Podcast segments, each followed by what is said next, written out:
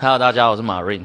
我有一个好朋友 T 叉，他听了我前天的那个录音，精神达数，他觉得这个错的太离谱了，他必须纠正一下大家。那我们先来听一下他的讲评。 OK，我现在就来播。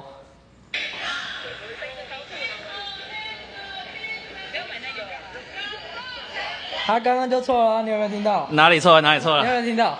精神达数精神达数不对吗是精神达叔，精神达叔。OK，精 OK 精 OK，神达叔。哎精神大叔。 OK，啊，我再播一个地方，我再播一个地方。